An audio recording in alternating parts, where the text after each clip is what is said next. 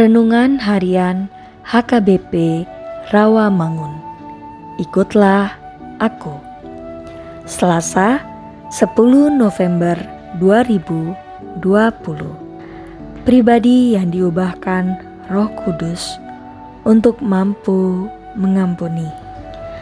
Bacaan pagi kita pada hari ini diambil dari Nehemia 8 ayat 1 sampai 12. Bacaan malam kita pada hari ini diambil dari 1 Tesalonika 3 ayat 6 sampai 13 dan kebenaran firman yang menjadi ayat renungan kita hari ini diambil dari Efesus 4 ayat 32. Tetapi hendaklah kamu ramah seorang terhadap yang lain, penuh kasih mesra dan saling mengampuni. Sebagaimana Allah di dalam Kristus telah mengampuni kamu. Nats ini dalam bentuk nasihat yang positif, yaitu bagaimana hendaknya anggota-anggota jemaat hidup saling ramah satu dengan yang lain, penuh kasih mesra dan juga mau saling mengampuni. Paulus mengatakan agar kita hidup dalam keramahan, kasih mesra, dan penuh pengampunan akan seorang kepada yang lain. Keramahan dan kasih mesra ini harus dinyatakan dalam mengampuni atau memaafkan antara satu dengan yang lain.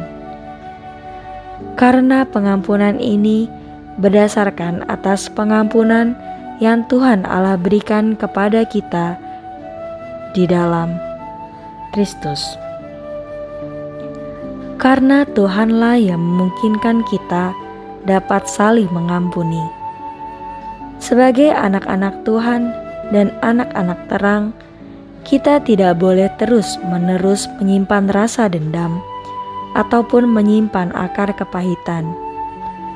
Hal ini harus segera diselesaikan Nats ini mengajak kita untuk mau membuka hati dan mengundang Roh Kudus bekerja di dalam hidup kita agar kita mampu untuk mengenal dan menyadari segala kesalahan yang sudah kita perbuat selama ini.